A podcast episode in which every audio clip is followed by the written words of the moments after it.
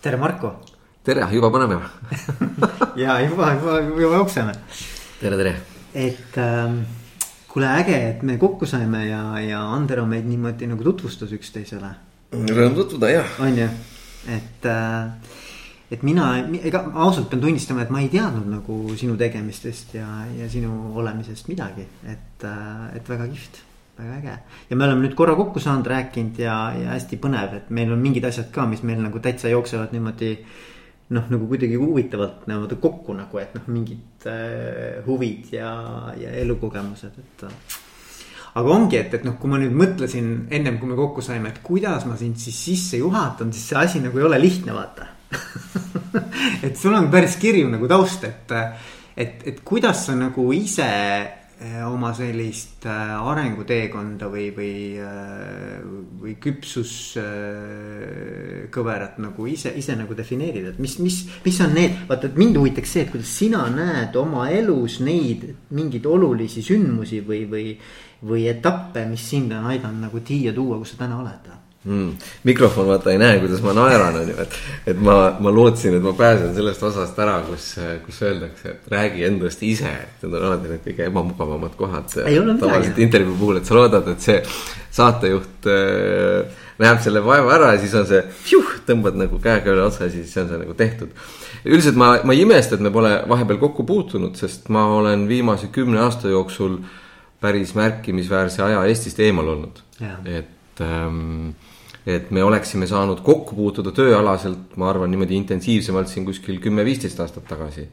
et kui ma olin äh, tihedamini seotud äh, suhtekorralduse ja, ja nii-öelda aktiivse tegevusega mm. aga, aga hiljem ma olen teinud natuke teisi valikuid ja õppinud pisut teisi asju ja tõesti, ma olen, ma olen Eestist eemal olnud, et ma olen omajagu aega viibinud, nagu me rääkisime, Aasias yeah., kus ma olen äh, kasutanud võimalust kõrvutada omavahel kõike seda, mida mulle on õpetatud lääne ülikoolides.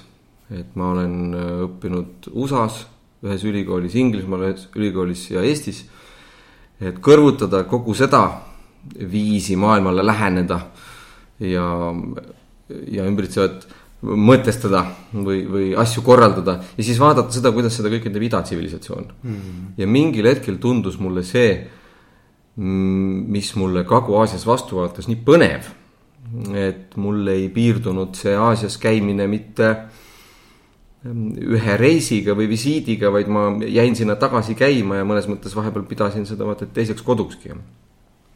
sellepärast, et, et see vaade, kuidas mul on avaliku halduse haridus mingis osas, et ma olen riigi juhtimist õppinud ja, ja vaadata Aasias näiteks seda, kuidas riiki korraldatakse teistmoodi või kuidas riigi funktsiooni mõtestatakse teistmoodi või kogukonna funktsiooni.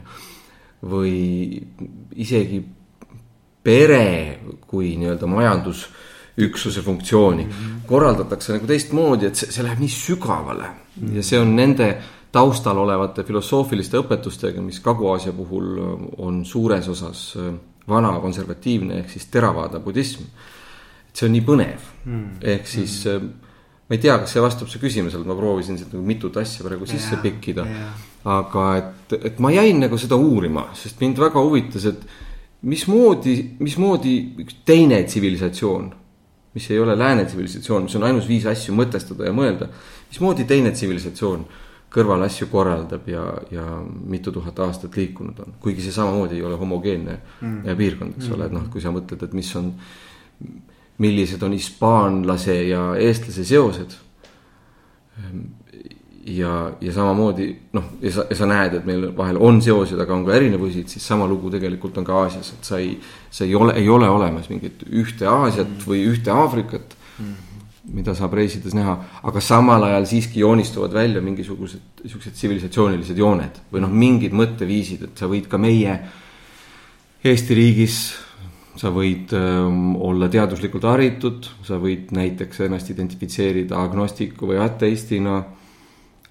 aga see ei tähenda seda, et sa kuidagi pääsed siin kristliku kultuuriruumi eest mm.. ja noh, sama lugu on Aasias, et ükskõik mismoodi sa ennast positsioneerid, eriti just siis Kagu-Aasia, mida ma tunnen paremini, sa ei pääse mitte mingil juhul budistliku kultuuriruumi eest mm. -hmm. et kas ta paistab sulle välja või mitte, on iseasi, noh kuigi oleme ausad, et näiteks Myanmari ja Tai puhul või siis Myanmar oli enne Birma.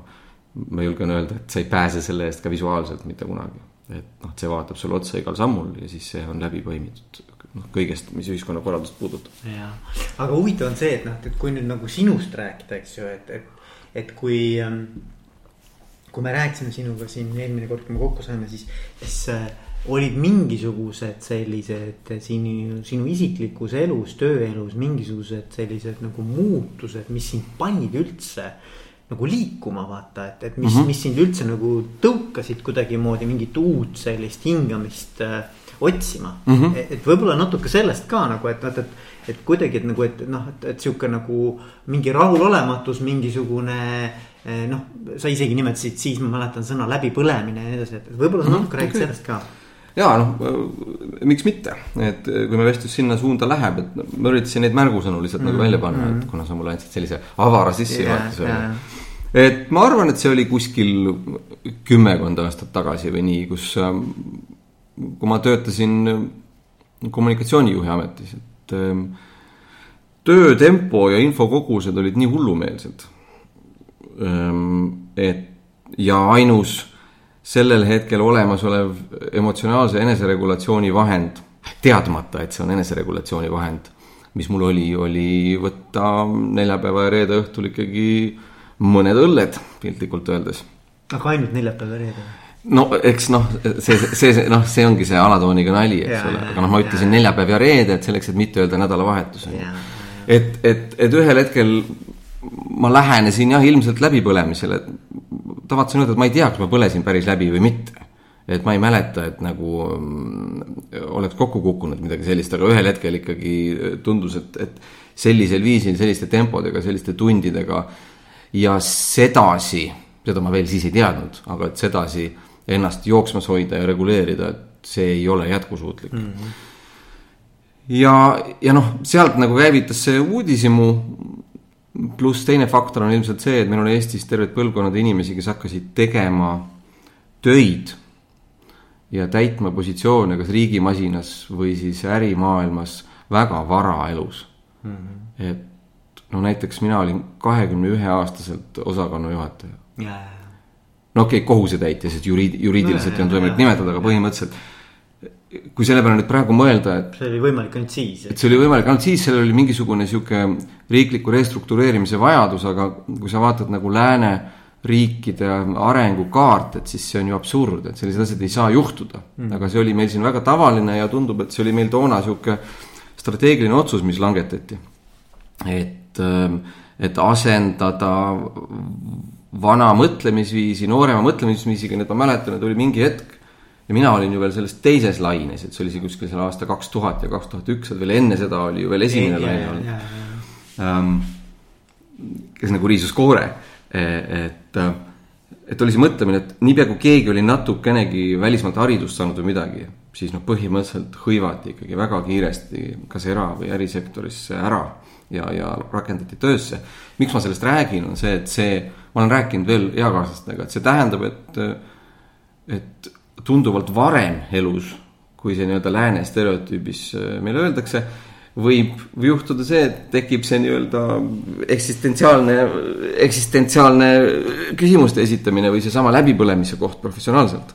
ehk siis ma arvan, et kuskile sinna ma jõudsin mm.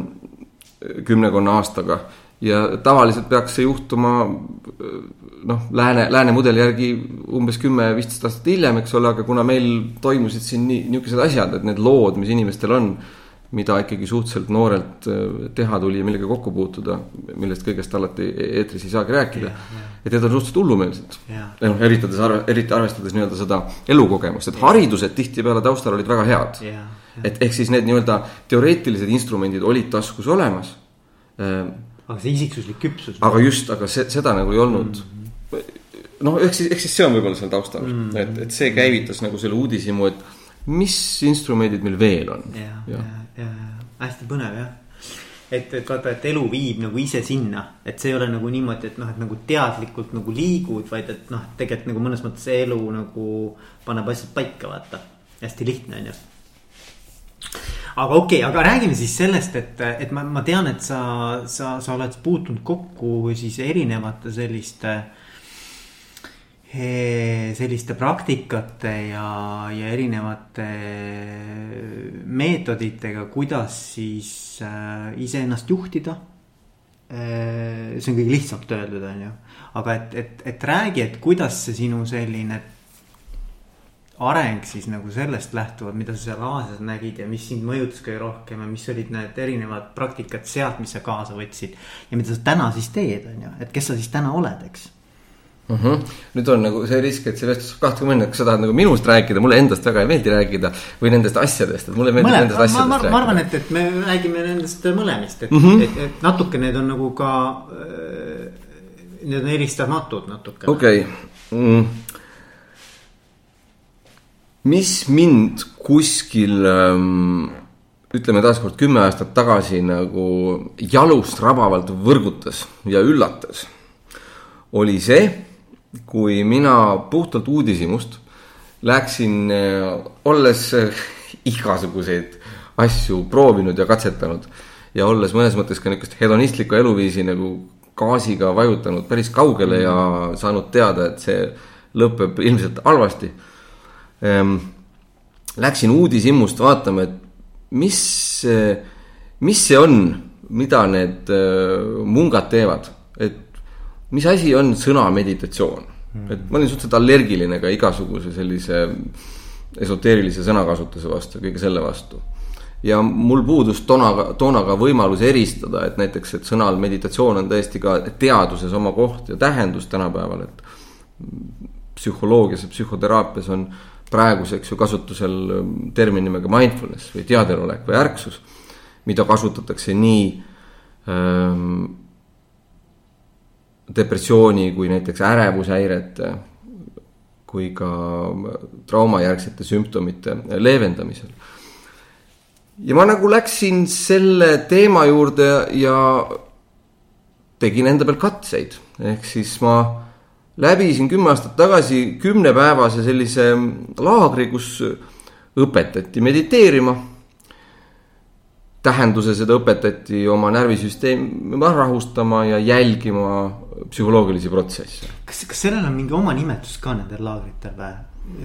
Neil on igasuguseid nimetusi, et nad tihtipeale tekitavad nagu segadust, et noh, kui see on kellegi jaoks nagu tähtis sõna, siis sealt saab nii palju valesti minna okay,, aga põhimõtteliselt okay. üks see märgusõna on vipassana ma tean, et Silicon Valley's päris paljud armastavad seda sõna kasutada. millegipärast on tänu teatud inimeste sõnakasutusele läinud levima arvamus, nagu seda oleks üks viis. Vipassana traditsioonid sellisel kujul, nagu teda nagu läänes praegu viljeletakse, nagu ta ka Silicon Valley inimeste hulgas populaarne on, on põhiosas pärit taaskord Myanmarist ja Birmast ja neid viise on tegelikult, ma, ma tean jah, päris, päris ma, mitmeid. ma tean, et ma tean näiteks seda, et, et äh, mitmed on, äh, ka minu nagu tuttavatest on tegelikult läbinud sellise nagu vaikuse vaikuse mingisuguse laagri ehk et sa ei tohi rääkida kellegiga, sa ei tohi kontakti asustada kellegiga, aga ma ei tea, kas see on üldse seesama teema. E, ütleme niimoodi, et kui inimene tahab õppida intensiivses vormis jälgima oma psühholoogilisi protsesse. ja ma, ma väga tahaks, et me noh, et me ei kalduks ära kuidagi eh, liiga vaimsetesse teemadesse yeah., sest mind huvitab nende asjade puhul tähelepanu treenimise võime, mis meil on sisse ehitatud, tähelepanu juhtimise võime, selle kaudu emotsiooni regulatsiooni võime. ja noh, kuna me elame tavalises maailmas, mitte kuskil džunglis või kloostris, et siis kuidas me tavaelus näiteks keset meeskondi yeah. saame oma tähelepanu treenimist on ju rakendada. ma lihtsalt yeah. ütlen selle disclaimer'i ära, siis ma lähen tagasi su küsimuse juurde me jõuame sinna. ja, ja, et ei no lihtsalt, et, et, et, et ka kuulajal nagu oleks aru saada, kus me liigume. et ähm, jah, kui tahta intensiivselt sellisel viisil oma pea sisse vaadata või südamesse, mis sõnavara kellelegi sobib, siis tavaliselt selline kunstlikult loodud vaikuse keskkond on toetav mm. -hmm. seda saab teha teistel viisidel, aga üldiselt ma ei kui ma tahaksin mõnele sõbrale või sõbrast tippjuhile soovitada, siis ma ikkagi soovitaksin tal samamoodi alustada alguses mingisugusest minimaalselt seitsmepäevasest, võib-olla kümnepäevasest äh, variandist. Tais on ka paar kohta, kus saab alustada kolme nädalaga et hüppad kohe. karm või? võib vastu, jah, seal on kaks vaadet, et üks variant on see, et pigem võtad selle kolm nädalat ja. oled nagu lõpuni. jah, teed selle ära ja hiljem teed lühemalt. aa, niimoodi. jah, et neid lähenemisi on hästi palju, okay, et ma ütlengi, et noh, et et ma eh, noh, ei taha liiga palju neid šarknelli kilge välja visata mm., et muidu on neid avenüüsid kohe ära eksida hästi mm. palju. Jah, see vaikus, vaikus on toetav, eriti arvestades tänapäeva olukorda, kus meil igast torust tuleb kogu aeg infot sisse. enamik inimesi ja mina kümme aastat tagasi sealhulgas ei ole mitte kunagi veetnud, no vahel isegi mitte ühtegi päeva mm, -hmm. kus mitte kellegagi ega mitte millegagi ei suhtle. ehk siis, kus väljast ei tule kogu aeg silmade, silmade või kõrvade kaudu või, või käte kaudu mingisugust infot, mida kogu aeg vaja protsessida. ehk siis, mis tehakse sellistes kohtades, kui sa lähed kuskile treeningkeskusesse ja ida traditsioonis nendeks treeningkeskusteks on äh, Munga kloostrid lihtsalt või meditatsioonikeskused. siis sa lähed sinna, sulle luuakse see olukord kus eemaldatakse nii palju välisi segajaid kui võimalik, ehk siis sa ei suhtle nii palju, kui see on optimaalselt võimalik. sa ei räägi, osades kohtades sa võimalusel ei vaata ka otsa. sa eemaldad kõik sotsiaalsed konventsioonid, sa näiteks ei hoia teisele ust lahti ja ei naerata tänutäheks. osades kohtades sa võid seda teha. mõte on lihtsalt selles, et mitte, et need asjad oleksid halvad, inimesed saavad yeah, ka sellest valesti yeah. aru. vaid mõte on selles, et eemaldada kõik need tavalised kultuurilised kargud ja konstruktsioonid mille peal me toimime, nii-öelda see operatsioonisüsteem ja siis panna sind silmitsi iseendaga. Ja vaadata, et mis impulsid su kehas ja mõistuses käivituvad, kui sul ei ole neid tavalisi toimemehhanisme hmm.. ja, ja inimesed kardavad tihtipeale seda vaikust näiteks, aga äh, tihtipeale mina ütlen, et see on nagu selle asja juures see kõige lihtsam osa või et see on see toetav osa, et see tegelikult ei ole probleem, et see, et vahepeal rääkida ei saa, mida inimesed pelgavad, see ei ole probleem. Et, et pigem on küsimus selles, et kui sa nüüd selle rääkimise kaudu oma sisemistest protsessidest, eh, sisemiste protsessidest põgenemise eh, likvideerid, et mis siis saab? aga see on huvitav jälle, mulle, mulle meeldib see mõte, et et, et see, et sa kogu aeg oled sellises nagu ülestimuleeritud olu, noh nagu, nagu, nagu situatsioon, et see on nagu mõnes mõttes nagu escape, eskapism või? no oleneb, igal asjal on ju kaks poolt. et kui sa võtad klaasi veini mm. -hmm. Mina küll ei ole kümme aastat võtnud. aga päriselt nagu selles mõttes ongi nagu kümme aastat karsk, karskmane mul ei ole vaja ja, et. ei, ma saan aru, et ei ole, see ei ole mitte küsitud nagu selle mõttega, et, oot-oot-oot, et kas kõik on okei okay,. ei, ei, ma just jõuangi, see on nagu seotud sellega, mis ah, ma, mis ma tahtsin öelda. et klaasikesel veinil on koht näiteks selles, et võtad õhtul nurga maha, eks ole. Mhm. osad inimesed noh, teevad niimoodi, et. või mingi, mingi, mingi sümboolne tähendus, eks ole. no näiteks, et sa, et noh, ma mõtlen praegu seda niisugust bioloogilist, et noh, et võtad nurga maha, võtad väikse ärevuse maha, rahustad natuke organismi, on ju. et see on tema üks pool yeah.. ja teine pool on see, et äh, sa võid ennast tuimestada sellel määral, et sa jood ennast purju. või ka tuimestada regulaarselt sellel määral, et su kontakt tegelikult selle infoga, mis su kehas on emotsionaalset laadi kaob ära või muutub väga nõrgaks. ja sellel on, sellel on nagu kaks poolt ja, ja samamoodi on kaks poolt kõikide nende asjadega, et rääkimisel on ju väga selgelt funktsioon mm. -hmm. aga et eska-, eskapismiks saab ta muutuda siis, et kui, kui me kas, ma ei tea, tööalaselt näiteks, kui me ei, me ei, ei talu pausi mm. -hmm. Eesti kultuur talub pausi natuke paremini. aga et kui sa lähed näiteks San Franciscosse või kuhugi noh, Ameerika kultuuri keskele, siis Inglismaal ka on tihtipeale, pausiga on tunduvalt keerulisemad lood ja vot siis kasutatakse rääkimist selleks, et täita see ebamugavus ära, tegelikult me tahame lahti saada sotsiaalsest ärevusest mm. -hmm. et noh, et ma näiteks äh, teha kõrvalepõige, et äh, oli üks inglasest sõber Eestis. ja tal oli siin äh, tüdruksõber ja ta elas siin ja ta ühel ühisel, ühel suvisel üritusel saime kokku ja ta ütles mulle, et ma ei tea, et ma ei leia üldse eestlastega kontakti. et ähm, meil nagu vestlus ei suju üldse ja, ja noh, ei lähe kuidagi, ma küsisin, et, et noh, räägi mulle, mis sa teed, kui te vestlete. sihuke väike coaching session tekkis nagu. ja siis ta natuke nagu rääkis mulle, siis ma kuulasin teda ja ma olen, kuna ma olen Inglismaal elanud ja ka Ameerikas elanud, siis ma natuke aimasin, et angloameerika kultuuriruumis võib olla see, et nad, nad hästi proaktiivselt võtavad ise sõna. Eesti kultuuris meil on kombeks pigem oma järge oodata mm. -hmm. et me ootame, kuni teine pool lõpetab vahel ta jaurab päris pikalt, aga me eriti tihti noh, normina vahele ei räägi. Neil on vastupidi. ja vaikust, seega meie ootame nagu seda vaikushetke, ma ütlesin talle, et kuule, kuula natuke aega, jah. tähendab, vabandust, et räägi. ja siis, kui sa oled ära rääkinud, korraks oota.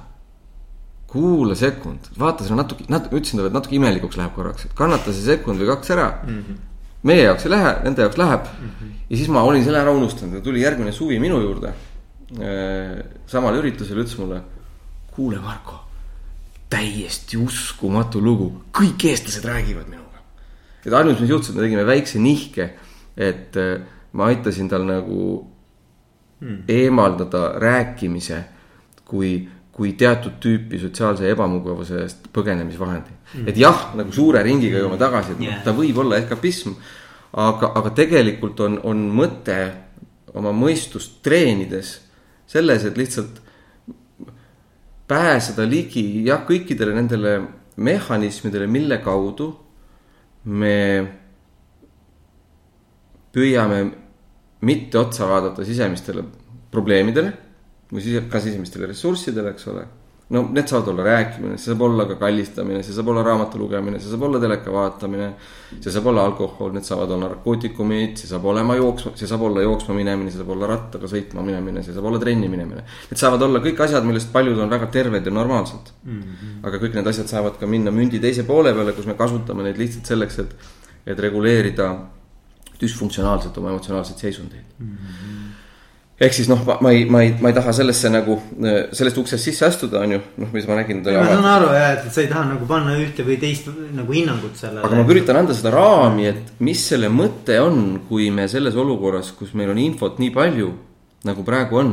ja mina väidan, et kui kümme aastat tagasi, võib-olla podcast'i kuulavad ka mõned kommunikatsiooniga tegelevad inimesed. et kui kümme aastat tagasi oli selline infomäär mis tuli masinate kaudu sisse või, või ka viis, noh, ütleme kümme, kolmteist, neliteist aastat tagasi. oli ikkagi pigem kommunikatsioonijuhtide ja võib-olla tippjuhtide pärusmaa. siis tänapäeval, kui ma vaatan, mis ümberringi toimub, siis infotehnoloogia on arenenud selliseks, et see on praktiliselt kõikide taskus mm.. ja vot nüüd selles olukorras on küsimus, et kuidas me pääseme siin ligi mingisugustele võtetele ja tööriistadele, et mitte lolliks minna mm. -hmm. sest noh, selgelt tõsiasi, et ähm, et inimesed tunnevad huvi kas meditatsiooni vastu, päris paljud tippjuhid ju mediteerivad. osad julgevad sellest ka rääkida, teised noh, julgevad vähem, sest muidu endiselt hundikari ütleb, et sa oled natuke uhuu. no ma arvan, et meditatsiooniga on ka seotud hästi palju müüte, vaata mm. -hmm et noh, et, et see sõna ise on niivõrd nagu selline nagu ambivalentne nagu, et, et, et seal on hästi palju ka mingit sellist äh, legendi või sellist nii-öelda stereotüüpset mõtlemist, et see on natuke sihukene nagu, nagu kergelt lendad kuskil pilvedes, eks ole. no see ongi see põhjus, miks ma tegelikult, ma ei teadnud, kuidas meie podcast täna läheb, et ma ise vabatahtlikult seda sõna kunagi ei maini mm. -hmm. et kui ma räägin, siis ma räägin meeletreeningust mm. -hmm. ma räägin äh, tähelepanu juhtimist, tähelepanu teemisest, ma räägin eneseregulatsioonist. sellepärast, et, et sellisel viisil on see sõna meditatsioon seotud tegelikult sellega mis ta aga tuhandeid aastaid tagasi algselt oli, et mina väidan, et sõna meditatsioon on üks suhteliselt hirmus tõlkeõnnetus. Mm.. ja see tõlkeõnnetus on kuskil sadakond aastat vana. ja seetõttu mina seda tõlkeõnnetust väldin nii palju kui võimalik, täpselt sellel samal põhjusel, et see sulgeb uksed hästi paljude inimeste jaoks tänu laetusele ja eelarvamustele. yeah tegelikult teema ees, mis on meile kõigile vajalik, me kõik peame hoolitsema oma vaimse hügieeni eest mm. -hmm. varem või hiljem mm -hmm. koputab see muidu uksele. instrumendid on olemas. meelt, mõistust, tähelepanu on võimalik arendada ja treenida ja korras hoida. ja nüüd, kui keegi tuleb ja räägib sellest sulle valede sõnadega. või ta kasutab neid samu sõnu hoopis mingisuguste teiste asjade kirjeldamiseks, siis läheb see uks kinni mm. -hmm. ja vaat minu nagu missioon hetkel, ma ei taha öelda missioon, aga, aga see soov, mis mul on, on püüda nendest asjadest rääkida väga rangelt, nii nagu me läänes asjadest räägime, tõenduspõhiselt, nii palju kui saab mm, -hmm. sest selle valdkonna, see uurimisvaldkond iseenesest on noor, et uuringuid on tehtud kuskil kakskümmend aastat ja nende kvaliteet on järjest paremaks läinud ja praeguseks tuleb iga aasta, nüüd me vist oleme jõudnud punkti, kus iga aasta võib öelda, et uuringuid näiteks märgusõnaga mindfulness on juba kuskil tuhande ringi üle maailma ülikoolides mm. -hmm aga et, et see sõnakasutus on hästi oluline ja ma, ma täiesti saan aru, et noh, et, et seal on see laetus juures ja oleme ausad, et äh, ega tehaksegi igasuguseid asju selle all. ja, ja siis olenevalt kontekstis, olenevalt inimese iseloomust, kas ta tahab ennast seostada nende ka muude protsessidega või mitte, eks ole. mina väidan, et see on okei okay,, kui keegi tahab teha muid asju. Aga ma ühtlasi ütlen, et seda, et see kõik ei ole oluline või seda ei ole vaja mm., kui sa ei taha mm., jah. ja mind vaata huvitab nüüd see osa nendest teemadest kuidas sellest kõigest rääkida niimoodi, et see on nagu ärimaailmas ja tavaelu keskkonnas äh, arusaadav, loogiline ja normaalne mm. no ja siin tulevad meile mm, -hmm. siin tuleb meile taaskord appi natukene akadeemia, eks ole mm. -hmm. ühes podcast'is oli sul siin äh, Ander Uusberg äh, üsna hiljuti on ju, kes, kes samamoodi uurib tegelikult emotsiooni regulatsiooni. Ja me oleme Anderga tegelikult nendel teemadel hästi palju palli põrgatanud, et noh, just, just vaadata seda, et mis on need viisid asjadest rääkida asjadest, mille puhul me teame, et nad töötavad niimoodi, et see ei vajuta ühtegi nuppu alla, mis paneb selle ukse kinni. sest miks ma ütlesin enne, et see on tõlkeõnnetus, on see, et, et see vana sõna, millega näiteks, millega näiteks budistlikus traditsioonis tähistati neid harjutusi, mille kohta meil nüüd kahjuks inglise keele mõjul on lihtsalt öeldakse meditatsioon, oli bhavana. ja bhavana oli põllumajanduslik termin mis tähendas harimist mm.. jah mm., see tähendas kultiveerimist. Bhavana tähendas, paned seemne mulda, künnad põllu ära, paned seemne mulda, kallad vee peale, hoolitsed, et umbroht ei kasvaks ja siis noh, vaatad, et taim saaks päikest see oli, see on harimine mm. -hmm. et noh, kui see hästi põnev eesti keele harjutusena, see asi on haridusministeerium. et noh, et põhimõtteliselt meele harimine, meeleharidus, teatud omaduste kultiveerimine ja teatud umbroht omadustes on budistlik vaade äh, dekultiveerimine mm.. see oli selle sõna algne tähendus ja niipea, kui sa tegid mingit spetsiifilist harjutust, näiteks kui sa tegid keskendumisharjutust, siis selle jaoks oli sõna keskendumisharjutus. Kui sa tegid näiteks sisemist vaatlusharjutust, kus sa vaatlesid, millised psühholoogilised protsessid toimuvad või millised psühhofüüsilised protsessid toimuvad, näiteks kuidas kehas füüsiliselt avalduv emotsioon äh, Äh, peegeldub äh, psüühikas või kuidas psüühikas ilmnenud mõte mõjutab kehalisi protsesse, siis selle harjutuse nimi on vaatlus mm -hmm.. no et eesti keeles on kõik need sõnad olemas ja nad on tegelikult hästi tavalised. aga inimestel on kalduvus ju asju keeruliseks mõelda, lihtsatest asjadest mõelda välja igasugused hullud raamistikud ja lõpuks saavad asjadest ka religioonid mm -hmm.. ehk siis, ja see kõik on okei okay,, see toetab maailmas äh, miljoneid ja miljardeid inimesi. aga kui me vaatame Eestit, siis Eesti on maailmas sihukeste ilmalike, sekulaarsete ehk siis mittereligioossete riikide esirinnas. et me siin oleme mõnel aastal number üks, mõnel aastal number kolm. Kuigi samal ajal mingid uuringud näitavad, et selliste esoteeriliste uskumuste osakaal on hästi kõrge et seda auku tuleb kuidagi täita, et inimestel on mingi vajadus. enesearengu teemad no,. et nagu, mingi baasvajadus meil on olemas, aga et kuna meil ikkagi on identifikatsioon sellise, sellise mittereligioossusega väga kõrge, siis järelikult meil on vaja ka keelt, et nendest instrumentidest, mis töötavad, mille puhul ka nii palju, kui uuringud võimaldavad näidata, näitavad, et need tõesti muudavad meie stressijuhtimisvõimet, parandavad meie tähelepanu aitavad meil emotsioonidega suhtluses paremini hakkama saada. et, et neid, et nad on olemas, nendest saab normaalselt rääkida ja et neid saab äh, inimesteni tuua. kuule, aga ma, ma küsin niisuguse küsimuse. ma toon selle nüüd võib-olla natuke, ma mõtlen nagu selle kuulaja peale et noh, kuulajad, eks ole, minu podcast'il on kas juhid või siis juhtimisest huvitatud inimesed, noh, sinna saab, noh, põhimõtteliselt tegelikult sinna alla kuulub ka enesejuhtimine, eks, mis on tegelikult lai, ülilai teema mm. -hmm. ja, ja, ja läheb, ma arvan, et kõigile korda, eks ju. et aga, aga ma mõtlen just selles võtmes, et, et kui me nüüd tuleme ja tõmbame selle kuidagi selle teema natukene sellisesse praktilisemasse vormi või noh, et püüame selle kuidagi tuua nagu, nagu sa ise ütlesid ilusti. et igapäevaelu sellisesse pragmaatilisse keskkonda, eks ju.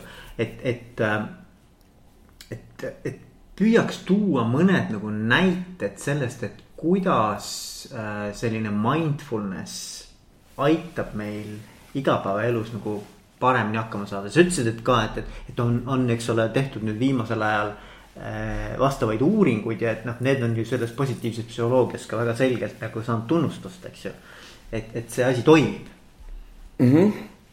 siin on nüüd mitu viisi nagu vastata, et üks variant on see, et ma püüan defineerida, mis asi on mindfulness ja siis natuke tutvustada paari viisi, kuidas seda treenida saab või, või kuidas. mõju, mõju, mõju, mõju. ja mis ta mõju on jah ja. ja siis teine viis, mis mulle pähe tuleb, on veel, et noh, natuke rääkida nendest äh, programmidest või lähenemisest sellele, mis maailmas olemas on, mis on paarist kas firmast või ülikoolist tulnud on, on ju. kui ma nüüd võtan selle rõhuasetuse mõju. mõju on see, et kui, peame muidugi mõju kirjeldamiseks ikkagi natuke aru saama, et kuidas see protsess käib. aga et kui inimene õpib oma tähelepanu teatud viisil juhtima, kui inimene õpib endas toimuvat teatud viisil lihtsalt aktsepteerima, nagu ta parasjagu on. võib-olla siin ma, ma, ma segan vahele. ja sega, sega. see on okei okay,, on ju. et, et, et ma, ma kohe nagu ma püüan ennast jällegi panna kuulaja, kuulaja nagu äh,. peame küsimuse täpsemaks ajama natuke, sest. et, et, et, et, et mida tähendab tähelepanu juhtimine nagu, et, et kui veel minna nagu veel nagu baasilisemaks, et, et, et inimene mõtleb, ma ju juhin kogu aeg oma tähelepanu Mm, okay. Ah, saad aru, ma mõtlen, ma püüan sind natukene nagu challenge ida. väga hea, lihtsalt sa andsid mulle nagu nii suure nagu ma välja. et, ähm, et ma pean väga kindel olema, kuhu me lähme, sest iga uks on hästi suur. mida tähendab tähelepanu juhtima?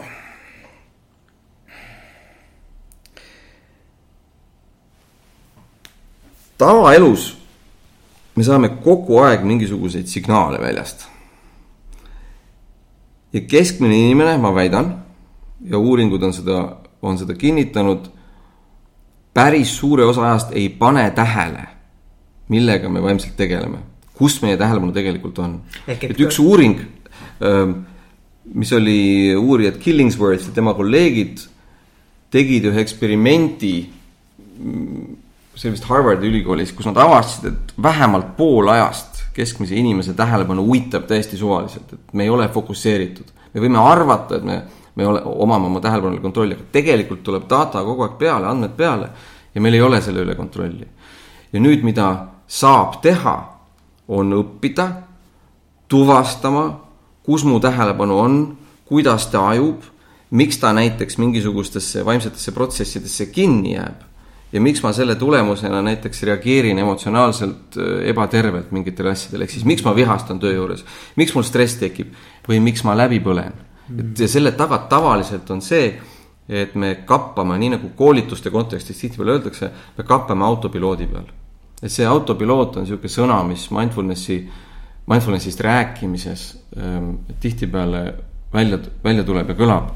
see tähendab seda, et meie, meie ajul on tegelikult omadus neurootiliste ahvide järeltulijana põhimõtteliselt autopiloodi peal kogu aeg skännida ümbruskonda ja põhimõtteliselt näha ohtusid hmm.. ehk siis meil on sisse ehitatud sihuke aparaat, mis meid päris hästi evolutsiooniliselt teenis mille ülesanne on vaadata vasakule, näha lehtede vahel liikumist ja öelda, et see võib olla tiiger mm. -hmm. või näha mingit palki maa peal, see vist on madu, jookse ära mm. -hmm. Me elame suhteliselt turvalises keskkonnas. see on sihuke roomaja aju, eks ole. jah, et kui, kui, kui keegi tahab aju ehitusest rääkida, see on kõik väga palju lihtsustatud, et tegelikult ähm, mõni äh, ajuteadlane ilmselt hoiaks peast kinni, et, et nendest asjadest nii lihtsalt räägitakse, aga, aga me peame seda lihtsustama kuidagi, et põhimõtteliselt kaks pisikest aju keskel olevat osa kannavad nime amügdalad. ja need on meie aju need osad, mis osalevad emotsiooni regulatsioonis, mis annavad tunduvalt kiiremaid signaale. kui organism kohtab keskkonnas mingisugust infot, mis vajab tõlgendamist, näiteks see võib olla ohtlik, kui annab meie loogiline mõtlemine, mis tuleb meie otsmikusaгаrast, prefrontaalsest korteksist mis, mis on nii-öelda meie aju CEO, mis on meie aju tippjuht, kuhu info minek võtab aega, kus info protsessimine võtab aega ja see on ka aju noorem osa. Ja mis siis, mis siis saab teha seda, et ta annab signaali nendele emotsioonidega tegelevatele osadele, et kuulge, et ärge kartke, põõsas ei ole tiiger, olge rahulikud.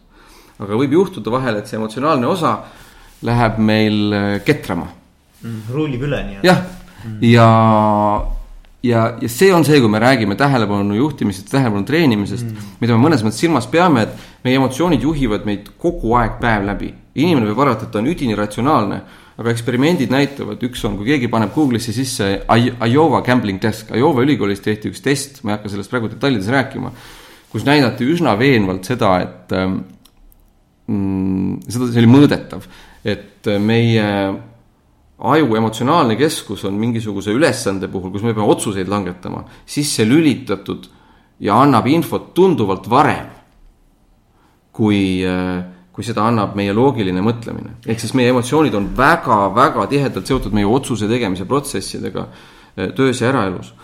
ja kui meil nüüd puudub igasugune kontroll, me ei ole kunagi elus kordagi vaadanud, mis tegelikult juhib minu tähelepanu, siis me oleme sada protsenti nende jõudude kontrolli all mm. -hmm ja see võimalus, mida mindfulness pakub, on tulla tagasi sellesse kohta, kus impulss jõuab organismi. Ja võtta sihuke väike paus. võtta väike paus, astuda sellest impulsist korra tagasi ja valida ajapikku treeningu tulemusena teistsugune käitumine, kui ma soovin. Mhm. jah, ja see, kui sa nüüd selle peale loogiliselt mõtled me selle stressirikkale keskkonnale, see annab meile võimaluse juhtida oma stressi, see annab meile sellesama võimaluse eh, vältida läbipõlemist ja võimaluse luua harmoonilisemaid töökeskkondi mm. -hmm. Töötajate kaasatus, kõik muu, eks ole et sellest me läksime kuidagi väga keeruliseks praegu. ei läinud, ei, läinud. ei, mina arvan, et ei läinud, ma okay., ma arvan, ma arvan, et see on ülioluline, sest et vaata, mis juhtub nagu minu arvates, miks ma läksin sinna mm, -hmm. miks ma tahtsin, et sa seda nagu selgitaksid on põhjus, et see muidu tundub inimestele nagu niivõrd äh, nagu elementaarne, mis mõttes tähelepanu, ma kogu aeg nagu noh nii-öelda juhin oma tähelepanu, aga ma, ma arvan, et inimesed ei adu nagu, mida see tegelikult nagu tähendab mm, -hmm. vaata. Et sa pead natukene lahti seletama seda tausta, et miks see üldse vajalik on mm. -hmm. et kuidas, kuidas see üldse väljendub, see, et meil tegelikult on äh, stiim, välistiimulitest mõjutatud nagu, nagu selline nagu emotsionaalne elu ja, ja, ja kogu see nii-öelda meie eh, reaktsioonide ampluaa, eks ole, et see on kõik nagu. et me oleme natukene nagu sellised nagu tuulelipud, vaata. et nagu, et, et sealt, kust tuul tuleb, see on nagu, et meil endal puudub see kese, vaata muidu no keskmine inimene arvab, et ta ei ole tuulelipp. ja, ja just sellepärast ma ütlengi, vaata, et, et, et natukene nagu tuua inimesi ja. sinna, et nad saaksid aru, et võib-olla see ikkagi on nagu äh, teema, millele ma peaksin rohkem tähelepanu pöörama, eks. Mm -hmm. et sellepärast on ju. ei, väga hea. E, jah, et, et mindfulness'i definitsioon ise on umbkaudu selline, et see on hetkes tähelepanu pööramine protsessidele, mis parasjagu kehas või psüühikas ilmnevad sellisel aktsepteerival ja lahkel viisil, püüdmata neid muuta. ja see on see, et kui keegi hakkab seda treeningut tegema, kui me hakkame mingeid harjutusi tegema, siis tavaliselt see tähistab lihtsalt seda, et me õpime vaatama, milline impulss kehast tuleb või milline mõte pähe tuleb. ja erinevalt sellest, mis me tavaliselt teeme. tavaliselt mul tuleb mõte, et oo, võtaks külmkapist ühe purgi Coca-Colat. ja mis me tavaliselt teeme me samastume selle mõttega täielikult ja järgmine hetk me näeme, et me oleme külmkapi juures ja võtame sealt selle Coca-Cola. aga tegelikult on meie peas tihtipeale veel üks mõte, mis ütleb, et kuule, et sa ei pidanud rohkem suhkrut tarvitama. ja õhtul kell üheksa kofeiini juua ei ole ka päris mõistlik. või seal on veel ägedam mõte näiteks see, et, et, et ma võtan selle Coca-Cola sellepärast, et ma tunneksin ennast emotsionaalselt paremini. saad aru? jaa, absoluutselt yeah.. et need ongi, aga need on need konkureerivad protsessid mm. ja üldiselt, kui me ei õpi teadvustama, ma nüüd korra võtan siis teise sõnavara, et ma kasutan, äkki see sõnavara on parem, et jätame selle tähelepanu korra kõrvale. et kui ma ei teadvusta, millised mõtted mul parasjagu on või millised tunded mind parasjagu juhivad, siis ma kihutan jälle autopiloodi peal ja täidan nende mõtete, tunnete korraldusi. ja nüüd, mida treening meile pakub, on võimalus siis, kui see on mõistlik, valida ise, kuidas ma käitun, kui mul teatud mõte tuleb või kuidas ma käitun, kui mul teatud tunne on. Nendel tunnetel ja mõtetel on kõigil oma funktsioon, selles mõttes, et autopiloot ei ole mingi halb asi, et näiteks autoroolis ei saaks istuda, kui me kogu aeg mõtleksime, kuidas käigukangi vahetada. või kui sa sõidad äh, siduriga autoga, et siis kuidas ma, mis hetkel ma sidurit vahetan, et või kitarrimängija peab ka harjutama ikkagi skaalat käe sisse ja siis ta saab hakata tegema soolot. Ta ei saa iga kord selle peale mõelda, sest see osa, mis seda analüüsib, on aeglane mm aga kõigepealt me peame selle sisse harjutama ja see on autopiloodi nii-öelda hea kasutus, autopiloot teeb meie eest päev läbi väga palju asju ära mm. aga, aga kui ta läheb käest ära ja tundub, et praegu selles infovoos, kus me viibime inimestena, ta läheb järjest rohkem käest ära. Need ärevushäired ja depressioon on tõusev probleem maailmas, et mm -hmm. maailma Tervishoiuorganisatsioon on ju hoiatanud depressiooni kui epideemia eest praktiliselt ja järjest rohkem ka Eestis sellest räägitakse, et Eestis on väga häid psühholooge, terapeute, kes teemaga tegelevad. aga miks ilmselt turul on ruumi coach idele ja koolitajatele, näiteks nagu, nagu ma ise või, või, või ka sa ise. on see, et lihtsalt psühholoogidel on laud täis. Ehm, psühholoogidel on nii palju tööd, et isegi erapraksise puhul on järjekorrad väga pikad. Noh, ja, ja nad ise ütlevad seda ka ja, ja probleem tegelikult kasvab ja seega meil on taaskord küsimus, et kuidas me saame oma juhtimises, oma töös, oma eraelus ise endale need oskused anda, et iseendaga hakkama saada, sest ega isegi kui keegi läheb näiteks ähm, professionaali käest nagu oskusi küsima, sest ega lõpuks ju terapeudid annavad inimestele oskusi. siis äh, lugu on ju ikka sama, et äh, kaasajal ikkagi on eesmärk, et inimene läheks koju tagasi ja võimalikult kiiresti hakkaks iseendaga hakkama saama ja iseennast reguleerima. ja noh, sa mainisid positiivset psühholoogiat, positiivse psühholoogia poolelt on veel ju küsimus mitte sellest, et kuidas endaga üldse hakkama saada, vaid et kuidas nii-öelda õitseda. et positiivse psühholoogia vaade on ju üldse see, et kuulge, et kõik on päris okei. Okay.. mis on see, mis need inimesed teevad, kellel asjad liiguvad päris hästi, et mis on nende psühholoogilised oskused enesejuhtimises mida nad kasutavad ja suhtumised, mis võimaldab neil noh, kogeda rahulolutunnet päevas rohkem kui keegi, kellel neid oskusi ei ole mm. -hmm. ja kuidas see siis noh, kui nüüd võib-olla tõesti, et noh, et võib-olla isegi mitte ainult rääkida nagu, et kuidas see, kuidas see nagu praktika käib. vaid et võib-olla anda ka mingisugune selline hästi lihtne harjutus nagu, et inimesed saavad ise proovida, noh, siinsamas, eks ole, et kuulates, et okei okay,, et kui ma tahan nüüd kogeda mingil väga-väga siuksel Äh, elementaarsel moel, et mida see siis nüüd tähendab mm. -hmm. et siis võib-olla anda näiteks ka mingi sihuke praktiline harjutus inimestele. okei okay,, aga siis me peame vist ikkagi selle tüki nagu läbi käima, et, et kuidas üldse yeah, yeah. mindfulness'ile lähenetakse yeah,, sest yeah. et sellest, sest sellest teemast saab rääkida nagu hästi-hästi lihtsalt. ja samas saab nagu rääkida hästi-hästi keeruliselt, mulle korraks tundus, et me läksime keeruliseks. ei, minu arust ei läinud. et väga hea, et ähm, kui nüüd inimest huvitab, ta on lugenud, et äh, programmeerijad Silicon Valley's äh, tegelevad mindfulness'iga või mediteerivad mm. -hmm. et inimesed hoolitsevad sellest või ta teab, et on olemas mingid äpid, rakendused, millega saab seda teha. siis on hea teada, et mida tegelikult nende programmide ja võtete käigus tehakse, on see, et õpetatakse inimesel ühe koha peal alguses, see ei pea alati olema nii, aga ühe koha paigal olema, natuke maha rahunema ja siis oma tähelepanu teatud viisil A, kas suunama mingile kindlale objektile, selleks, et kogeda, et ta sinna väga ei taha minna või siis vastupidi, mõnel inimesel tahab kuskile paigale jääda, näiteks kasutatakse hingamist mm. -hmm. et paneme tähelepanu hingamisele, lihtsalt jälgime, kuidas hingamine käib ja ongi kõik.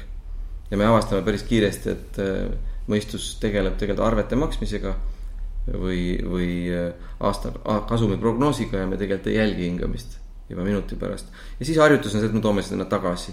ja teine viis on vastupidi, on seda tüüpi harjutused, kus me ei ürita tähelepanu otseselt üldse kuidagi suunata, vaid me võtame vastu kõik signaalid, mis keskkonnast tulevad. et näiteks kui praegu korraks see on sama podcast'i ajal, ma esitan küsimuse, et mitut heli sa praegu tunned, kuuled noh, ei oska öelda mitut, aga, aga mingid taustahelid on küll. on ju, et noh, näiteks küsisin, et kas sa suudad kokku loendada praegu kolm heli mm? -hmm, eks ole, mis juhtus, et sa noh, see oli sihuke suunatud, sa panid tähelepanu korraks ühte kindlasse kohta.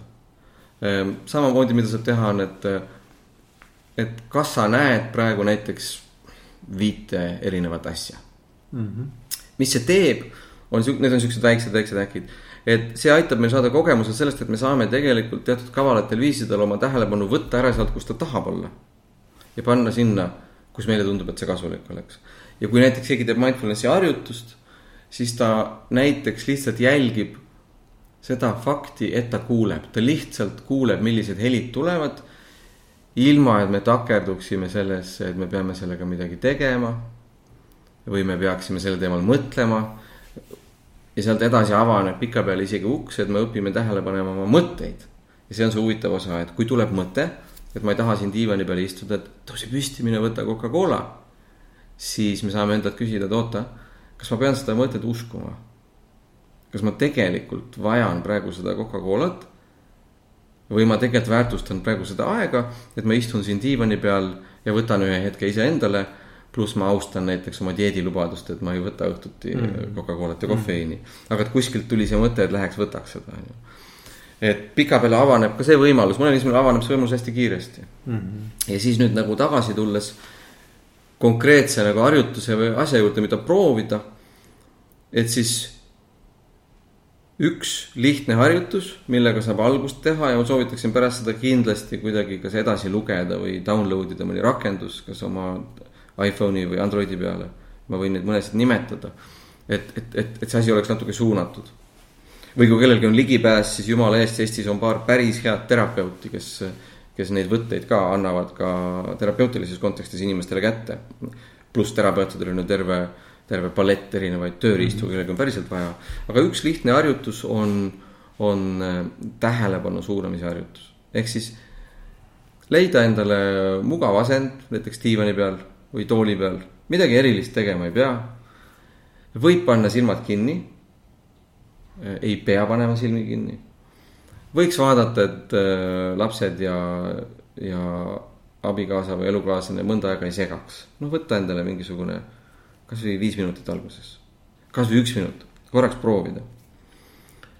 Et uuringud näitavad, et kui teha mitu nädalat järjest juba kümme minutit siukest, neid harjutusi, et siis sellel juba on teatav mõju, et tegelikult noh, ei ole vaja igal inimesel tingimata neid asju väga, väga hullumeelselt ja, ja süviti teha, kui elu ei luba, et, et sellest kümnest minutist juba piisab, aga alguse tegemiseks võtame ka mõne minuti. istuda maha, leida mugav asend mm. -hmm.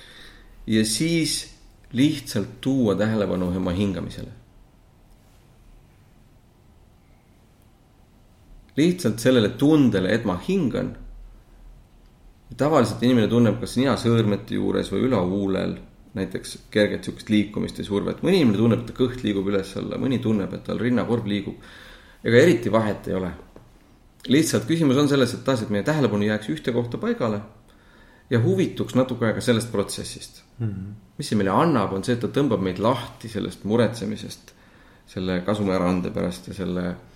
Selle ühistu arve pärast -hmm., noh, mingid suvalised näited ja annab meile ühe teise koha ja kui sellist harjutust teha regulaarselt, siis see on päris hea uks, kuidas sinna sisse vaadata. nagu ääremärkus, et kui kellelgi näiteks on mm, noh, trauma taust olnud või midagi sellist et siis on mõttekas äh, alustuseks võtta just mingi sellist tüüpi harjutus, kus mitte näiteks jälgida oma hingamist ja ühte asja, vaid pigem just kuulata, et oh, millised helid siin ruumis on, kui silmad on lahti, mis on natuke keerulisem, võib vaadata ähm,, mitut värvi ma siin näen või noh, küsimus on selles, et panna tähele seda protsessi, et ma kuulen ja et ma näen. et meie tavaline identifikatsioon on on selle sisuga. nüüd tavaliselt vaatame, mida ma kuulen ja mida ma näen. aga me proovime elu, elus esimest korda vaadata hoopis seda protsessi ennast. ohoh, ma näen. Ohoh, ma kuulen. ja see annab meile siukse teistsuguse kogemuse, noh edasi ma ei taha öelda, mis siis saab. aga edasi saab igaüks vaadata, et mis tunne tekib, kui seda paar minutit kodus proovida, et istuks korraks maha mm -hmm. ja mhm. prooviks rahulikult mm -hmm. nagu jälgida oma hingamist mm. -hmm. ja me avastame, et mõte läheb väga kiiresti rändama et meie, ega meie mõistus ei taha istuda ja hingamist jälgida. ja see ei ole probleem, et see on see koht, kus inimesed tavaliselt, kes eh, on ise alustanud ja ei ole kuskilt juhendust saanud, arvavad, et mul ei tule välja. yeah. või ma ei oska yeah., aga see ei ole tegelikult probleem. et meil on põhimõtteliselt aju niimoodi ehitatud, et ta tahabki otsida järgmist probleemi, mida lahendada. see ei ole probleem, me näeme elus esimest korda, kuidas meie mõistus töötab. ta tahab ringi joosta, okei okay et sinu tähelepanuvõime on praegu siin hingamisel püsida, ma ei tea, viis sekundit. mul on kuus või vastupidi, mul on neli, nii on, see on nagu diagnostika mm.. nüüd, kui seda harjutust teha, siis me avastame, et äh, paari nädala pärast meil on võime tähelepanu seal hoida, kus me tahame näiteks kolmkümmend sekundit, näiteks minut. ja need inimesed, kes panevad sisse oma selle nii-öelda müütilise kümme tuhat tundi. noh, näiteks yeah., noh, siis sealt avaneb võimalus oma tähelepanu juhtida hoopis teisel viisil. ja noh, siit ka taas ääremärkus, et nagu me teame, et see kümme tuhat tundi on mõnes mõttes ju metafoor. Et mõne asja puhul see tähendab seitset tuhandet ja teise puhul kolmekümmet tuhandet. aga mida me teame, on, et tähelepanu suunamise puhul me ei pea kõik mõtlema, et see on nii raske ja mul on vaja kümmet tuhandet tundi. vaid piisab juba sellest, kui võtta iga päev mõned minutid selleks, et rahulikult oma tähelepanu natuke teistmoodi rakendada aga räägi, mis on nagu, ma räägin sinust. okei okay.. et mis on olnud sinu enda kogemus, kuidas on aidanud äh, oma tähelepanu juhtimisega tegelemine mm. -hmm. Enda eest hoolitsemine, nagu sa nimetad. sind ennast, mis on juhtunud, mismoodi sind on see nagu muutnud? alustame äkki sellest samast kohast siis noh, kuna sa enne, enne ja. palusid mu nii-öelda sissevaadet mu enda loosse, et et me viskasime nalja, aga et ma tõesti ei ole kümme aastat vajanud alkoholiabi heaks enesetundeks. see on päris suur asi, kui me nüüd järgi mõtleme selle peale, et Eesti kultuuris on alkohol sisevooderdus, mis katab pulmasid, katsikuid, matuseid, nädala lõppu, kõike, kõike, kõike. Ehm, ja me peame seda normaalseks, siis minule andis see võimaluse küsida, kas see on normaalne mm. -hmm ja selle kaudu ma sain teada, et tegelikult ma selle kaudu väldin mingisuguseid asju enda sees, millele tuleks otsa vaadata näiteks. Mis ta veel mulle on andnud? kui me likvideerime sellised tuimestid nagu alkohol, siis sellega kaasneb teatud meeleselgus. kaasneb tundlikkuse kasv mm. -hmm. mis on andnud mulle võime taaskord selgemini näha, mida ma tahan, mis võib-olla arvestades selle blogi konteksti, podcast'i konteksti on ju huvitav yeah.. anna selgemini näha, mis mu väärtused on, mida ma tahan teha, kuhu ma lähen, mis on mu ressursid, nii-öelda väga selge teadmine iseenda ressurssidest ja piirangutest. sest põhimõtteliselt, kui õppida sel viisil nägema sisemisi protsesse, siis ega ausalt öeldes ei ole maailmas asja, mida see ei puuduta meie praegune kliimakatastroof, viis, kuidas me tööstuslikult loomi kohtleme mm, -hmm. viis, kuidas maailmas on praegu tegelikult öö, orjastatud rohkem inimesi, kui oli öö, üle ookeani öö, orjakaubanduse ajal. kuigi meil on rahvusvahelised konventsioonid, kõik need teemad puudutavad tegelikult seda, kuidas erinevad inimesed reguleerivad oma soove see puudutab kõiki teemasid, see puudutab konflikti minekut, sõtta minekut. Aga, aga mõtlen nagu, et noh, mida mina nagu kujutan, noh, see on minu ettekujutus praegu, eks ole, et, et noh, selles mõttes, mida mina näiteks oma, kui ma coaching ut teen, mida ma mm -hmm. üldse mitte mindfulness'i lähtuvalt, aga, aga mida ma olen palunud päris mitmel teha eh, praegu sind kuulates tundub nagu ka natukene sellised nagu mindfulness'i moodi. on see, et et kui inimesel on mingisugune trigger, vaata, et on mingisugune, mingi päästik. Tõmbab mingi asja käima, vaata. ta tunneb, et näiteks, kas on ärevus või see, see on mingisugune hirm või see on noh, midagi, mis on niukest nagu ebameeldivat tema jaoks, eks ole, mis teda halvab natukene. et ma olen palunud nagu tähele panna, millal see juhtub ja üles kirjutada. ehk ta mhm. peab natukene ka nagu astuma nagu, nagu, nagu natukene kõrvale vaatama ennast ja selle nii-öelda siis fikseerima selle olukorra mm. -hmm. et muidu ta lihtsalt nagu selles sees niimoodi vaata mm, -hmm. ta nagu on nagu natukene nagu reageerib kogu aeg, eks mm -hmm. ole et mulle tundub, et noh, et see näiteks ka on üks asi, mida võib-olla see aitab teha, et, et sa saad natukene oma sellisest eh, noh, lainetest, kus sa kogu aeg loksud, eks ole, elus noh, muidu loksud kaasa kogu aeg, eks ju mm -hmm. et sa saad sealt lainetest nagu natukene nagu välja tulla ja, ja vaadata kõrvalt seda loksumist ja siis on noh, kergem, ma arvan, ka nendele reageerida. Et minu meelest noh, mina ei ole öö, nagu erialalt psühholoog, eks yeah, ole, aga yeah. kui ma nüüd ei eksi, siis kognitiivkäitumisteraapia kasutab sarnaseid võtteid, et yeah. ta püüab läheneda taaskord meie mõtetele ja tunnetele meie mõtete kaudu. kaardistada seda ahelat, eks ole. et neid võtteid on palju maailmas mm.. aga et noh, lihtsalt, et kui me räägime just sellest olukorrast, et meil on nagu sa mainisid positiivset psühholoogiat, et meil on olukord, kus tahaks paremini elada või tahaks asjadega tööalaselt ja meie reaalse elu kontekstis paremini hakkama saada, et siis meil on vaja mingeid instrumente, millega keset seda hullumeelsust, eks ole, oma, oma, oma pea eest hoolitseda. sul on neid sääski, mis, mida sa pead tapma nagu, nagu miljon kogu aeg. vot see on hea metafoor, mulle meeldib jah.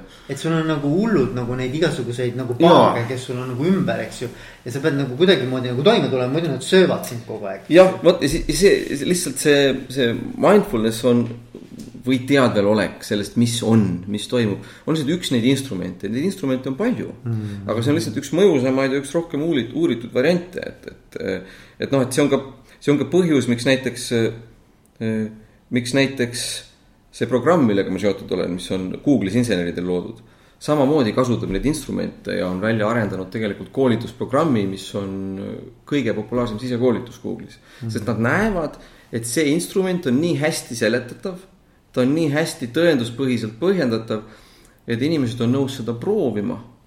ja nad saavad meeskonna tasemel, ettevõtte tasemel sellest reaalset kasu. et noh, et sedasama programmi, millega ma ise töötan, on rakendanud ju ka ettevõtted nagu SAP või SAP, kuidas keegi hääldab mm. -hmm ja Salesforce ja Deutsche Telekom, nad kõik kasutavad sama võtteid, nad muudavad need instrumendid töötajatele kättesaadavaks. miks? sest reaalselt selles hullumeelses infokeskkonnas, kus me elame, on vaja inimesel mingeid iseenda aitamise instrumente. et me ei saa seda väljast kogu aeg otsida. noh, ja pluss juhul, kui asjad on hästi, siis kui sa küsisid, mis see mulle endale on andnud, see annab meile võimalusi seda kasutada selles hetkes, kui sul on, on asjad hästi, kuidas sealt nagu kasvada ja kuidas sealt palju selgemini eesmärke seada. taaskord kasutades sisemisi ressursse, mitte tingimata väliseid mm. -hmm. kas, kas no ma, ma püüan jälle nagu natuke ennast panna, ma alati püüan ennast ja. panna natukene kuulaja hingadesse ja, ja mõelda noh, niimoodi, et, et mis võiks olla nagu selline nagu vastuargument, et, et nagu, et. et üks sihukene küsimus või, või selline nagu mõte, mis mul tekib, on see, et, et kas see ei või ka olla natukene nagu selline nagu distantseerumine päriselust, vaata, mis ma mõtlen mm. -hmm. et, et nagu, et ma ma keskendun asjadele. Ehm, no ükskõik, nagu sa ütlesid, see võib olla see heli, värv, minu hingamine, mis iganes, eks ju. selleks, et tegelikult mitte olla nagu stimuleeritud nagu, nagu välisest, eks ju, liigselt ja sa saad suunata seda, et aga, et noh, mõnikord võib olla nii, et noh, et, et see on selleks, et ma siis nagu kuidagi ka sellest mm -hmm. sellest nagu sellest päriselust nagu natukene tõmbun eemale.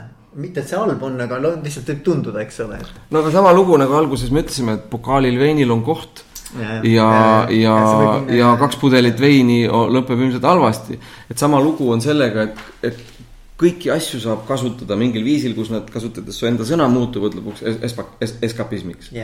et ka sellel viisil enda siseprotsessidele tähelepanu pööramise eesmärk ei saa olla kuidagi lahti saada nendest keerulistest tunnetest okay., mis mul on. Ja, see on võib-olla nüüd see konks, et, et, et, et mida mindfulness annab, on mitte see, mida alguses me võib-olla loodame, et ma nüüd enam kunagi ärevust ei koge või viha. mis on absurd. mis, mis tegelikult olekski eskapism. jah, aga see, noh, see ongi see, mida me üritame saavutada, see on see probleem. me üritame lahti saada asjadest, mis on meie osad. ja see ei ole võimalik. sul ei saa, ei saa olla nii, et sul ei ole viha, see on meie organismi normaalne reaktsioon keskkonnale. või, või et sul ei teki aeg-ajalt sihukest närvilisust või ärevust. kui on teatud tingimused täidetud, sisse ehitatud.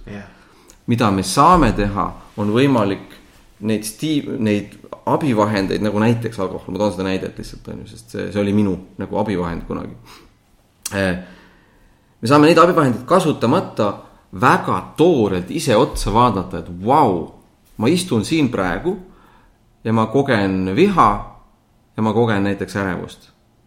ilma, et sellega oleks seotud häbitunnet ja ilma, et sellega oleks seotud tunnet, et ma pean sellest lahti saama. või et sa peaksid ka käituma selle. ja, ja et ma pean siis midagi yeah. A, kas leevendama või, või nüüd sellega nagu kas patja lööma või jumala eest sind yeah.. vaid noh, et ma saan valida, et ahaa, et see tekitab mus millegipärast nagu pinget või ärevust. Ja ma saan valida teise käitumise, mul tuleb meelde äh, LinkedIn'i CEO Jeff Weineri äh, kirjeldus sellest, kuidas äh, ta on päris palju ka kasutanud neid instrumente selleks, et saada küüned taha oma emotsionaalsele reaktiivsusele yeah. töökeskkonnas yeah. ja ta kirjeldab olukorda, kus keegi tema supertalentidest saadab talle mingi väga ebaviisaka emaili. Ja kirjeld-, no ma ei tea, mis ta seal täpselt ütleb, ta ei ütle seda, aga ta kirjeldab selle, et see projektiga on kõik tuksis, see on läbi ja väljendab ennast ebatsensuurselt. ja nagu ta siis inglise keeles ütleb Äh, Jeff Weiner ütleb noh, et nagu, knee jerk. et see esimene reaktsioon ja see on see, kuidas me kõik käitume. esimene reaktsioon on võtta arvuti klaviatuur ja vastata sellele emailile mm. -hmm. peksta seda klaviatuuri ja põhimõtteliselt me elame selle viha välja.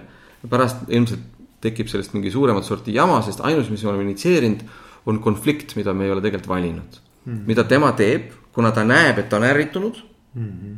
ei saa lahti saada sellest, et sa ärritud selle peale, tingimata. siis äh, kuigi nad, ääremärkusena nad idas muidu usuvad, et sa saad sellest ka lahti lahti saada. aga, aga see ei ole mitte see, millest me praegu yeah, yeah, lääne kontekstis yeah, räägime yeah.. ta võtab omale selle hetke, selle distantsi, selle stiimuli või selle juhtumi ja oma käitumise vahel ja mõtleb, et mis praegu oleks kõige kaastundlikum ja mõistlikum asi teha. selgelt sellel tüübil, kes selle meili saatis, on midagi lahti. ta ei väljendu tavaliselt niimoodi, ta on mul väga andekas inimene nüüd see, et mind riivab, et ta minuga nii räägib, on sügavalt minu isiklik probleem. selle, selle kaudu reageerida ei ole konstruktiivne olukorra lahendus mm.. seega, mis praegu toetaks, okei okay,, selle peale ta mitte ei kirjutanud meili, võttis paar minutit hoopis pausi, kuigi impulss oli kirjutada meil, võttis toru ja ütles sellele meili saatnud inimesele, halloo, kuule, et ma sain su meili kätte mm. -hmm. nüüd mul sulle kaks küsimust, esiteks, kas sa tahtsid ventileerida, no ennast välja elada või sa tahad probleemi lahendada seda projekti lahendada. teiselt poolt kõlab, et see projekt ei ole enam lahendatav, et see on liiga hilja, mille peale äh, Jeff Weiner ütleb talle, et kunagi ei ole liiga hilja, et tule siia, leiame lahenduse yeah.. ja nüüd jälle üks sihuke küsimus, mis juhtimises tekib, et kas see ei tähenda, et ma nüüd muutun nagu pehmeks juhiks või midagi. ja siis ta ütleb lõppu ja pärast seda, kui me oleme probleemi ära lahendanud, siis sellest eraldi me käsitleme seda, kuidas sa minuga rääkisid, kuidas sa mulle kirjutasid mm. ja miks ta seda ütleb, on see, et ta ei lase kunagi sellel minna, sest see on nii temale kui sellele teisele poolele õppimisvõimalus. aga nüüd see emotsionaalne õppimisvõimalus ja see projekti kitsaskoha lahendamine on kaks eraldi küsimust. ja tavaliselt me võtame selle emotsionaalse reaktsiooni, laseme sellel juhtida selle olukorra lahendust mm.. mul tuli see tema näide praegu meelde, mis sa talle andnud on isiklikult. see on, see on jah, ma arvan et selles mõttes on see muidugi kõva, et see on nagu see suhete teema minu arvates nagu, et, et kuidas, millised on sinu nagu suhete arendamise ja hoidmise nagu võimalused või, või tööriistad või. Sest et noh, et seal on, oht on just nimelt minu arvates nagu see, et sa lõhud ära selle usaldus, usaldus äh,, usaldusliku suhte mm -hmm. omavahel, eks ole kui sa emotsionaalselt äh, samamoodi sama, samasuguse sellise taktikaga vastad yeah.. et siis see lihtsalt nagu lõhub minu arvates seda suhet, eks ju. et nüüd just, et kuidas see teema lahendada ära siis kahes võtmes, üks on siis päriselt see nii-öelda praktiline projekti teema. ja teine siis selline nii-öelda, et milline on meie omavaheline üldse nagu, nagu, nagu äh, suhtlusvorm, eks ju mm. -hmm. et, et, et seda teha sellisel moel, mis äh, Äh, tunnustaks või kuidagi hoiaks teise inimese nagu noh, keeps the face, kuidas öelda siis, et nagu, et ta ei kaota nagu oma nägu, eks ole, et äh, ma arvan, et see on nagu ülikõva. Ja, ja see on suur asi selles mõttes, et need organisatsioonid, kes nüüd teadvelolekut äh, on rakendanud meeskondade koolitamiseks mm. -hmm. üks komponent, mis sealt alati juurde koorub, et kui inimene õpib endas toimuvaid protsesse ja emotsioone paremini teadvustama. kui sina õpid seda, kui mina õpin seda, siis sellega kaasneb paratamatult üks sihuke super ninja oskus. meie emotsionaalne intelligentsus on arendatav, et kui ma muidu tegelikult ei tunne, et ma olen nagu sihuke people's person, inimeste inimene, et ma nagu noh, ma loen protsesse paremini, aga see inimeste värk, tundub, et see on sihuke pehme, pehme värk. kui sa õpid nägema, kuidas sa ise reageerid keskkonnale, siis sa õpid automaatselt selle kaudu empaatilisemalt nägema, kuidas teine reageerib keskkonnale. ja see annab meile kaks võimet, üks on enda juhtimine, aga tegelikult annab see ka teiste juhtimise võime, seesama Jeff Wineri näide, et ta kõigepealt reguleeris selles olukorras ennast ta ei kasutanud võimalust reageerida, on ju, Facebook, noh, nii-öelda Facebooki postitusele kohe kommentaar panna. ja teiseks, ta sai empaatiliselt aru, empaatia on arendatav oskus mm.. osad inimesed on, on sündinud rohkem empaatilisena, teiste puhul me saame, me teame, et empaatiat saab treenida ja läbi nende samade harjutuste. Ehm, ja tänu, tänu oma empaatiavõimele, et ta sai aru, et sellel inimesel on seal mingi muu protsess all käimas. et see ei ole isiklik, see, et ta ebatsensuurselt minu mailbox'is laamendab lihtsalt küsimus on, et tavaliselt me reageerime sellele, on ju, ja hakkame lahendama seda emotsionaalset olukorda enda sees. samas hetkes, kui me lahendame seda praktilist olukorda teise inimesega yeah. koos ja sealt tekib see imevõime, kus, kus need organisatsioonid näevad ka, et meeskondade koostöövõime pareneb. sest mm. kõikidel inimestel paranevad kaks võimet, enda sisemine eneseregulatsioon ja siis suhteregulatsioon ja see on nagu päris äge värk. ja, ja, ei kindlasti see on, mina näiteks usun, et, et äh, et suhete kvaliteet ja selle mõju üleüldse nagu kogu sellisele nagu tulemuslikkusele tiimis mm -hmm. on alahinnatud mm. -hmm. ma, ma, arvan, et seda hinnatakse, aga seda, see on ikka alahinnatud, ma arvan. et, et sellel on niivõrd suur mõju nagu äh, kogu sellele koostoimimisele mm. -hmm. ma, mulle tuleb praegu meelde, ma just rääkisin ühe, ühe koostööpartneriga mm, USA-s. Äh, ma ei mäleta, kas see oli Stephen Covey või, või kes kirjeldas äh, seda juhtimiskoolkondade vahet ja siis ma kujutan ette, et podcast'il on kuulajaid, kes kõik teavad seda kirjandust võrratult palju paremini. kes kirjeldas seda, et vaata, et see vana juhtimismudel, kus tegelikult see inimese komponent oli vähem oluline on nii-öelda see tehase juhtimismudel, kus me juhime inimesi, kes peavad tegema kätega asju mm. -hmm. ja kui sa pead tegema kehaga asju, siis saab inimest põhimõtteliselt ilma see tema. see industrial age ja siis on. ja, ja kui sa juhid teda yeah. nagu käsu, hirmu ja käsuga ja võib-olla väikse boonusega, et sa saad teha seal, aga nüüd, kus meil töötab enamik inimesi järjest rohkem kognitiivset ja loovat tööd. siis see motivatsioon käib hoopis teistmoodi mm -hmm. ja me mhm. peame adresseerima seda emotsionaalset poolt või nad lähevad lihtsalt töölt minema või siis kärssavad läbi mm. -hmm. Ja mulle ütles tegelikult noh, see, see tegelikult see teema on nagu läbi jooksnud siin eelnevatest vestlustest ka, et, et. et, et just nimelt need inimesed, kelle, keda sa ei saa nagu nii-öelda nagu, nagu marionetti nagu tõmmata, vaata, vaid need inimesed mm -hmm. on, et see töö on loov Mm -hmm. et, et, et loovtöö on selline, intellektuaalne loovtöö on selline, mida sa nagu ei saa otseselt nagu nuppe vajutada, vaata et seal on ainult, käibki kõik tegelikult läbi sellise nagu suhete ja motivatsiooni. ja sisemotivatsiooni. sisemotivatsiooni just nimelt jah, et, et siis ongi nagu küsimus, et kuidas seda juhtimine adresseerib või, või ei suuda adresseerida, eks ole. ja mina arvan, et see on ikkagi puhtalt ongi sihuke nagu usaldusel põhinev paradigma tegelikult, mis mm, -hmm. mis seal toimib. et hirmu ja sellise nii-öelda piitsa paradigma seal lihtsalt nagu noh, lüli, lühiajaline, väga lühiajaline. aga füüsiliste asjade tootmises noh, ta on toiminud, on ju, sest. no militaar, ma, ma arvan näiteks mingisugune nagu sõjaväeline kord ja, või, või ütleme, on mingisugused sellised äh, tööstused näiteks, et noh, ma kujutan ette, et kus, kus sul peab olema nagu üliselge nagu kõik äh, täpselt nagu nii-öelda käsuliinid kõik väga mm. täpselt paigas, eks ole, noh, et, et seal võib olla, aga ma arvan, ka seal üha rohkem ja rohkem hakatakse seda inimfaktorit äh, väärtustama. ma arvan ka jah, et, et see, see paraku nagu koos selle majandusmudeli muutusega muutub järjest olulisemaks, et Eestis vist ka vaikselt see teema hakkab nagu orbiidile jõudma järjest, järjest rohkem. mitte ainult sellena, et see on oluline nagu sloganina, vaid sellega, et oot, aga et kust me need oskused siis võtame inimestele või kust me need juhtidele kätte anname, et keskastme juhtidele, tippjuhtidele. et sest sa ei, kuidas sa teed loovat, iga kognitiivne töö on põhimõtteliselt loov mm, -hmm. no enamik neist mm. -hmm. kuidas sa käsu peale loovuse sisse lülitad? jah, et ütled nüüd hakka looma et nagu ei no, toimi noh. mis selle peale saab, et vastupidi, et kui ma tunnen ennast vastikult sinu ja. meeskonnas, siis see on peaaegu garantii sellele, et ei tule ei sellest kraanist midagi. see ei toimi, et, et see on umbes niimoodi, et sa ütled kirjanikule, et või autorile, et nüüd hakka kirjutama nojah, just nimelt. või muusikule, nüüd kirjuta, lugu valmis. jaa. et ei toimi jah oota, aga mis veel, ütleme, et, et, et me oleme nüüd väga erinevate nurkade alt äh, seda teemat lahanud äh, natuke detailsemalt ja vähem ja, detailsemalt ja, ja emotsionaalsemalt, vähem emotsionaalsemalt, eks ole, väga tore. kogu vikerkaar, kogu vikerkaar. ja, et aga, aga et nüüd, kui jätta nagu inimesed, kes kuulavad veel mingisuguse sellise lõpuakordiga, et, et, et nagu, et, et võib-olla midagi, mis, mis me oleme rääkinud või me ei ole rääkinud mida sa tahaksid eraldi veel nagu esile tõsta või rõhutada?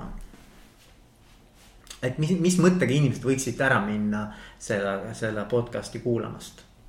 nagu, et mis neile võiks kõlama jääda? et kui unustada ära kõik need keerulised sõnad, mis me oleme kasutanud mm. -hmm. sest äh, mõnes mõttes asi, millest me räägime, on lihtne kas ma tean, mis minuga hetkel praegu parajasti toimub või ei tea. ja kui seda enda käest küsida, kas ma tean, mis praegu toimub, et millised aistingud ja tunded või millised mõtted praegu domineerivad minu psüühikas ja mind mingeid asju tegemi, tegema suunavad. millised need on? ja sellest hetkest avaneb meil võimalus avada see aken.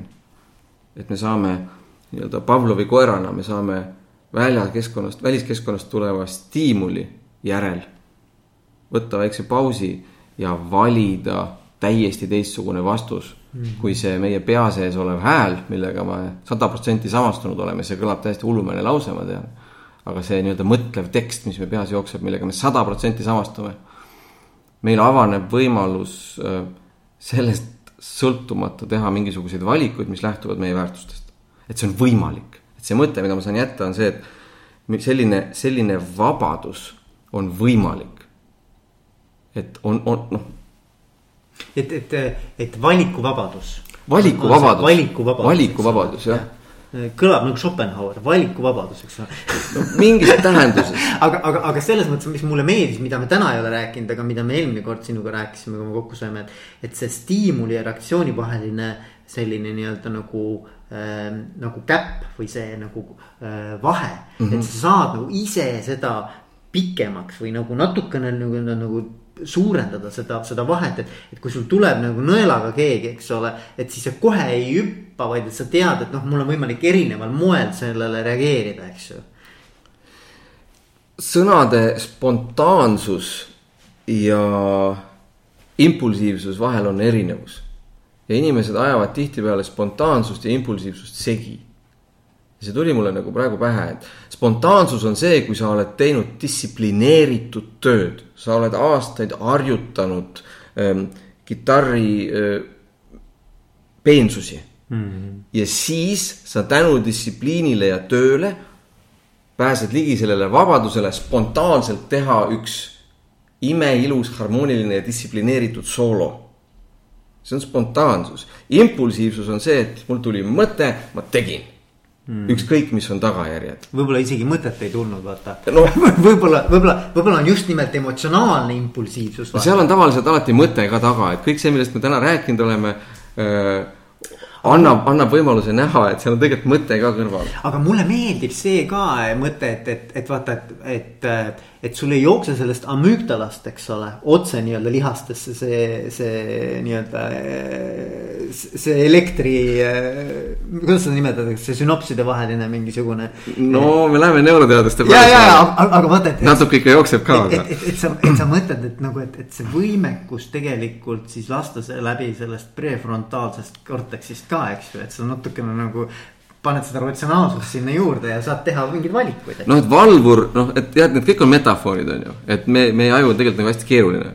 aga et, no, muidugi, muidugi. aga et, et noh, et va-, et valvur üksi ei langeta otsuseid, mis saama hakkab. et enne kui ta nagu äh, värava ees olev valvur nagu automaadist kuulirahe alla last-, laseb, küsitakse nagu peakontorist, et kas, kas need on sõbrad või vaenlased. ja see on tegelikult võimalik ja ilmselt inimesel, kellel kõik on korras tähendas, et tal ei ole kunagi tunnet, et ta üle reageerib või on, kunagi ei ole tunnet, et info koormab või et sa vihastad inimeste peale ja käitud viisidel, mis sind häirivad, siis see jutt ilmselt kõik ei ole huvitav.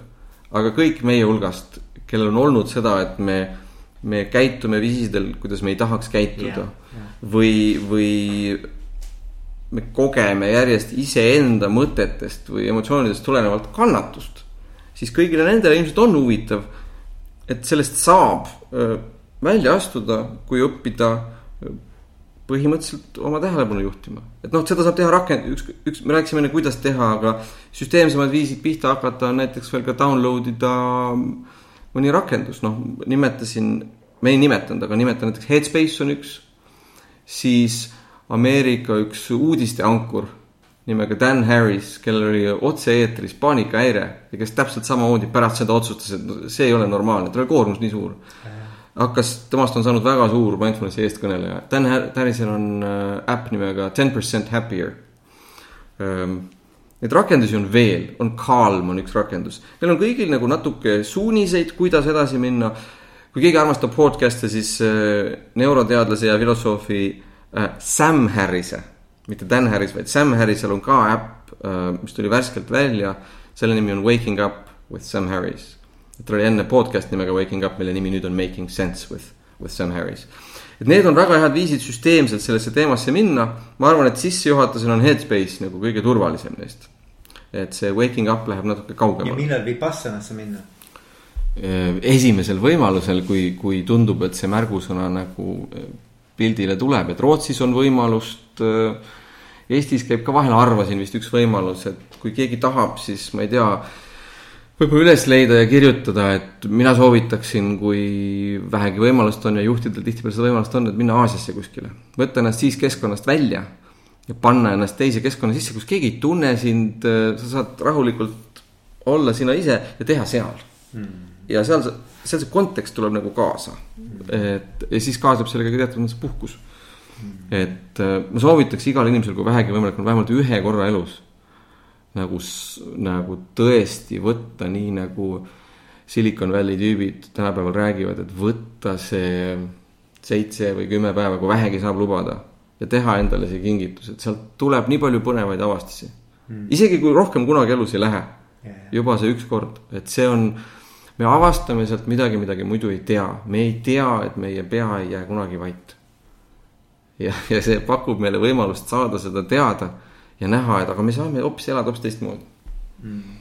kuule, väga äge, Marko, aitäh sulle. super, aitäh ja. kutsumast. teeme nii, loodame, et sellest kõigest, mida oli väga palju, eh, on, on midagi, mis on põnev. no midagi jääb kelle, ma usun, et igale ühele jääb midagi naha alla, mis hakkab oma elu elame, me ei tea, kuhu see kõik välja viib. teeme nii, aitäh sulle